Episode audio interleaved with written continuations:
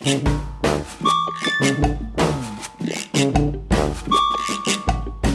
una pel·lícula molt complicada, es titula Incidències, és una pel·lícula que passa tot amb un tren d'alta velocitat. És la nit de Cap d'Any, un tren que surt d'un lloc, es queda parat al mig del trajecte, cap dels passatgers i de la tripulació sap què està passant, i hi ha una reconstrucció dels fets d'un cas similar que va passar fa uns anys. No? Aquest és el plantejament que fa Corbacho d'un projecte que va néixer fa 3 anys. La parella que forma amb Juan Cruz comença a tenir un segell propi. Tot i així, pel que sembla, Incidències és un pas més endavant per aquest duet de directors. Sí, és una, és una pel·lícula bastant més ambiciosa que Tapas o que Cobardes, que eren les nostres primeres pel·lis, però sobretot tècnicament. Jo crec que després té un ADN comú, a nosaltres al final ens, explica, ens agrada explicar històries, ens agrada retratar molt bé els personatges, què passa entre els personatges, què amaga la gent a darrere, això és algo que ja passava a Tapas, que ja passava a Cobardes. L'essència de la pel·lícula, diu Corbacho, són els personatges, les situacions i els diàlegs. En aquest sentit, reconeix que tant ell com Cruz tenen molt presents pel·lícules de Luis García Berlanga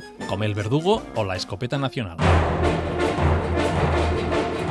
Incidències serà una pel·lícula molt coral. Encara no s'ha tancat el repartiment, però José Corbacho té clar que repetiran actors d'altres projectes seus i també hi haurà cares noves per ells. D'entre els que no han treballat, eh, jo crec que hi ha un 99% de possibilitats que estiguin al projecte, Eduard Fernández, a Lola Dueñas, a Carlos Areces, um, aleshores tenim gent que repeteix amb nosaltres, el Rubén Ochandiano, gent nova, bueno, nova entre cometes perquè els coneixem i no han fet grans papers, però tenim ganes de treballar treballar, com el Miqui Esparvé. Ens els hem d'imaginar tancats en un tren més d'una hora i mitja. Per tant, la posada en escena es preveu complexa. Hem de construir un tren, necessitem rodar exteriors amb un tren, necessitem rodar moltes vies, i això fa que dificulti una mica tot el, el que és la preparació. És, un, és una preparació complexa, ja portem molts mesos allà treballant sobre camp, però ja comencen la construcció del decorat a finals d'estiu. A finals d'agost, principis de setembre, es comença a construir el que seria la part principal de la pel·lícula, que és tot el tren, i rodarem a mitjans d'octubre.